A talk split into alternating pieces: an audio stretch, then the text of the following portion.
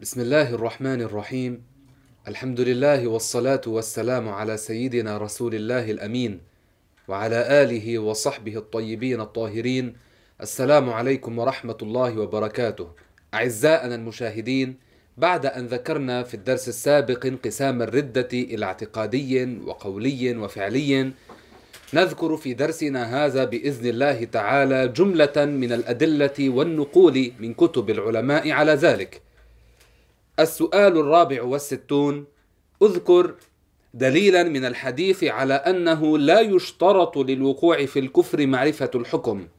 الجواب قال رسول الله صلى الله عليه وسلم إن العبد ليتكلم بالكلمة لا يرى بها بأسا يهوي بها في النار سبعين خريفا أي مسافة سبعين عاما في النزول وذلك منتهى جهنم وهو خاص بالكفار.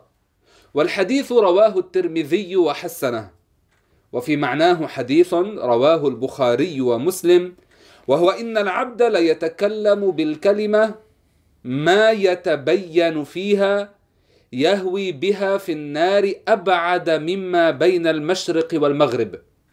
قال الحافظ ابن حجر في شرحه على البخاري في تفسير الحديث المذكور وذلك ما كان فيه استخفاف بالله أو بشريعته. وهذان الحديثان دليل على أنه لا يشترط للوقوع في الكفر معرفة الحكم ولا انشراح الصدر ولا اعتقاد معنى اللفظ كما يقول صاحب كتاب فقه السنة فإنه اشترط ذلك وهو شرط فاسد. كنا قد تكلمنا في المجلس السابق عن بعض الأدلة القرآنية والحديثية وما ذكره بعض علماء المذاهب الأربعة في مؤلفاتهم مما يدل على أقسام الردة.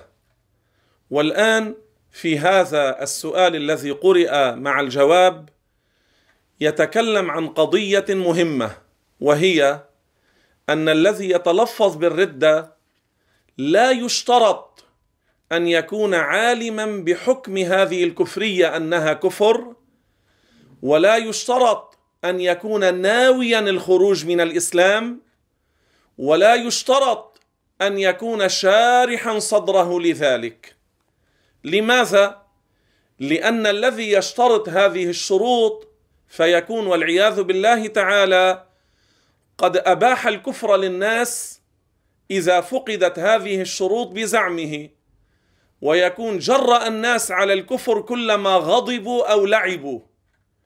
ومن الأدلة على عدم اشتراط هذه الأمور لحصول الردة مع الحديث الذي ذكر آيات من القرآن. أليس الله عز وجل يقول ما يلفظ من قول إلا لديه رقيب عتيد. لاحظوا معي. الآية لم تشترط مع النية لم تشترط. لاحظوا معي. الآية لم تشترط مع القول نية ولا انشراح الصدر ولا معرفة حكم الكلمة. بل ماذا قالت الآية؟ قال رب قال ربنا قال ربنا في القرآن الكريم ما يلفظ من قول. لاحظوا التلفظ باللسان والقول باللسان يعني هنا الكلام عن الكلام. فلم يشترط أن يكون مع الكلام نية ولا قصد ولا معرفة الحكم ولا انشراح الصدر. ما يلفظ من قول إلا لديه رقيب عتيد. اذا يسجل عليه. لو لم ينوي سب الله والعياذ بالله تعالى. فلا يقال له هل كنت ناويا؟ هل كنت شارحا صدرك؟ هل كنت أردت الخروج من الإسلام؟ هل كنت تعرف أن مسبة الله كفر؟ كل هذا لا يشترط. ومن جعله شرطا فقد كذب الله. ماذا ورد في صحيح البخاري؟ اسمعوا هذا الحديث. كل شرط ليس في كتاب الله فهو باطل ولو كان مئة شرط. إذا لا يشترط للوقوع في الردة معرفة الحكم. كالتي تقول لابنتها اسكتي يا ابنة الله. لو قالت أنا لا أعرف أنه كفر هذه لا تعذر. كالذي يقول لابنه ربك لا يقدر علي. هذا لو قال كنت مازحا كنت غاضبا كنت لاعبا ما أردت المعنى الحقيقي ما قصدت الخروج من الإسلام. مع ذلك لا يعذر. لماذا؟ لأنه يفهم معنى الكلمة. وقالها عمدا وليس مكرها. اذا سجلت عليه. اذا سجلت عليه. ومن الأدلة على وجود أقسام الكفر الثلاثة القرآن حذر من أقسام الكفر الثلاثة وهذا له ارتباط بالدرس السابق كما كنت وعدتكم أن هناك آيات بعد سنذكرها. فمن الأدلة التي تحذر من الكفر ما جاء في قول الله تعالى وانتبهوا جيدا إنما المؤمنون الذين آمنوا بالله ورسوله ثم لم يرتابوا. الارتياب محله القلب وهو الشك. الارتياب هو الشك ومحله القلب. يعني القرآن يحذر في هذه الآية من قسم من أقسام الكفر وهو الكفر الاعتقادي. اذا القرآن يحذر من الكفر الاعتقادي. اسمعوا الدليل الثاني على القسم الثاني. يقول الله تعالى في القرآن الكريم لا تسجدوا للشمس ولا للقمر. السجود للشمس والقمر يقال له كفر فعلي يحصل بالبدن بالجوارح. اذا هذا الفعل كفر وهو كفر فعلي. القرآن حذر من الكفر الفعلي. لا تسجدوا للشمس ولا للقمر. ماذا بقي؟ القسم الثالث وهو الكفر القولي. ماذا قال ربنا في القرآن الكريم؟ انتبهوا للآية في سورة التوبة. ولئن سالتهم ليقولن انما كنا نخوض ونلعب. قل أبالله وآياته ورسوله كنتم تستهزئون. لا تعتذروا قد كفرتم بعد إيمانكم. هذا نص قرآني. ماذا قال المفسر القرطبي في تفسيره الكبير الشهير عند تفسير هذه الآية؟ قال إن من تكلم بالكفر في الجد أو الهزل قال هو كافر بإجماع الأمة. اذا أدلة وأحاديث وآيات وإجماع. وهناك دليل آخر على التحذير من الكفر القولي. في نفس سورة التوبة يقول الله تعالى يحلفون بالله ما قالوا ولقد قالوا كلمة الكفر وكفروا بعد إسلامهم. هذا الكفر القولي يحصل باللسان. والأدلة على ذلك كثيرة جدا. ولنعرض لكم بعض الكتب من غير الدخول في التفاصيل ومن غير إطالة. إنما أريد منكم أن تروا بعض هذه الكتب التي ألفت في التحذير من الردة ومن أقسام الردة وببيان أحكام المرتد وأننا لم ناتي بجديد. بل الذي نحن عليه الذي أخذناه من شيخنا رحمه الله ما عليه علماء المذاهب الأربعة. نحن لم نأتي بشيء نحن ابتكرناه من عند أنفسنا. فمثلا هذا كتاب ألف فقط لهذا الموضوع الإعلام بقواطع الإسلام. هذا الإعلام بقواطع الإسلام. لابن حجر المكي الهيتمي الشافعي. هذا كتاب آخر لفقيه حنفي رسالة البدر الرشيد الحنفي. هذا من أكثر من 600 سنة رسالة ألفت في ذلك. إذا الأمر ليس شيئا نحن الآن قلناه من عند أنفسنا. تأليف آخر الكلمات المكفرة. التي تجري على ألسنة العامة للعلامة القزويني. كتاب ألف في ذلك. كتاب آخر من يكفر ولا يشعر للفقيه الحنفي قطل بغة.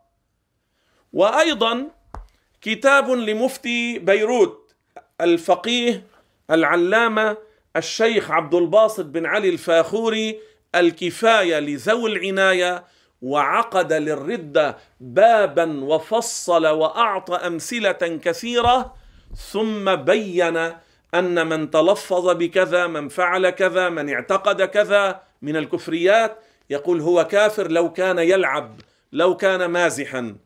وهذا كتاب ألفاظ الردة لمن؟ لعالم من علماء لفقيه أو شيخ أو خطيب أو مؤلف من بلاد الشام وعليه عدد من التقاريض لبعض مشاهير مشايخ الشام. اذا يا إخواني ويا أخواتي هذا الأمر أمر خطير. لماذا؟ لأن الذي يقع في الردة ولا يعرف أنه وقع في الردة لأجل أن يتشهد ويرجع للإسلام ولم يوجد من ينصحه ولم يوجد من يرشده ليخرج من الردة بالعود إلى الإسلام بالشهادتين. تعرفون لماذا الأمر يكون خطيرا؟ لأنه إن مات على ذلك خلد في جهنم والعياذ بالله تعالى. يعني يكون خسر الدنيا والآخرة. يعني يكون خسر الدنيا والآخرة. يعني الآن من الأدلة مثلا هذه الآية التي أستحضرها الآن. إن الذين آمنوا ثم كفروا. لاحظوا كانوا مؤمنين صاروا كافرين. إن الذين آمنوا ثم كفروا أدلة كثيرة. لذلك يا إخواني ويا أخواتي ينبغي أن نحذر وأن ننتبه. هذا الأمر لا يستهان به ولا يلعب به. فمن سمعتموه وقع في الكفر من رأيتموه حصل منه ما هو كفر من باب الشفقة عليه. من باب حب الخير له. انصحوه لكن بهدوء بحكمة بلطف بالشفقة والرحمة. ولا تكلموه باستعلاء بل كلموه بانكسار ليقبل منكم. فإن قبل منكم وتشهد ورجع للإسلام بسببكم لكم الأجر والخير والبركة. والنور واسمعوا البشرى. روى الحاكم في المستدرك أن رسول الله صلى الله عليه وسلم قال من أسلم على يديه رجل دخل الجنة. له خير كبير أجر عظيم. يا إخواني ورد في بعض الأحاديث أن من أسلم على يديه من اهتدى إنسان على يديه خير له مما طلعت عليه الشمس خير له من حمر النعم خير له من كنوز الأرض. اذا لا تقصروا في تبليغ الناس العلم لكن بالحكمة بالتواضع باللين بالانكسار بالشفقة بالرحمة. لماذا؟ لأن الناس إذا رأوا في الغالب من يكلمهم بتواضع يكلمهم بأدب يقبلون منه. وقد قال عليه الصلاة والسلام إن الله يعطي على الرفق ما لا يعطي على العنف. وقال عليه الصلاة والسلام ما كان الحلم في شيء إلا زانه وما كان العنف في شيء إلا شانه. لذلك يا إخواني ويا أخواتي انتبهوا لأصل القضية لأساس الموضوع ما هو؟ الذي نريده إخراج من كفر من الكفر بأن يرجع للإسلام بالشهادتين. وهذا خير من كنوز الأرض. نحن لا نريد لأحد أن يكفر ولا نرضى لأحد أن يكفر بل الذي نريده كما نحذرهم من المنكرات والزنا والسرقة والظلم والكذب والخيانة والرزاله نحذر من الكفر لا نأمر بالكفر ولا نجر الناس إلى الكفر بل ننهى عن الكفر بالحكمة والموعظة الحسنة. هذا الذي نريده. اذا التحذير لأجل أن لا يقع الناس في الكفر فيموتون عليه فيخلدون في جهنم. اذا ما المراد من بيان هذه الأحكام؟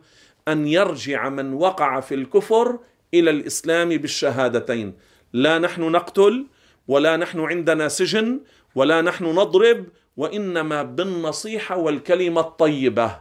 لذلك قلت في هذا الموضوع في الحديث الشريف الذي ذكرته ورواه البخاري من بدل دينه فاقتلوه قلت هذا ليس لنا إنما هذا للحكام للخلفاء للسلاطين للأمراء للرؤساء هذا يضبط الأمور لأجل أن لا تخرب المجتمعات ويؤدي بهم الأمر إلى الاقتتال والمقتل والمفسدة بل نحن مرادنا مسألة علمية. إنقاذ من كفر من الكفر بالإسلام ينقذ نفسه بالإسلام ينقذ نفسه. كيف يرجع للإسلام؟ بالنطق بالشهادتين وليس بقول أستغفر الله.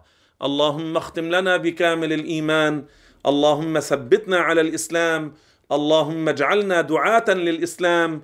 اللهم اجعلنا ممن ينشرون الإيمان ويحذرون من الكفر وينقذون الناس من الجهل.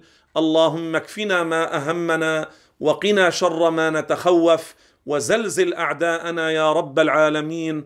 والحمد لله رب العالمين. والسلام عليكم ورحمة الله وبركاته.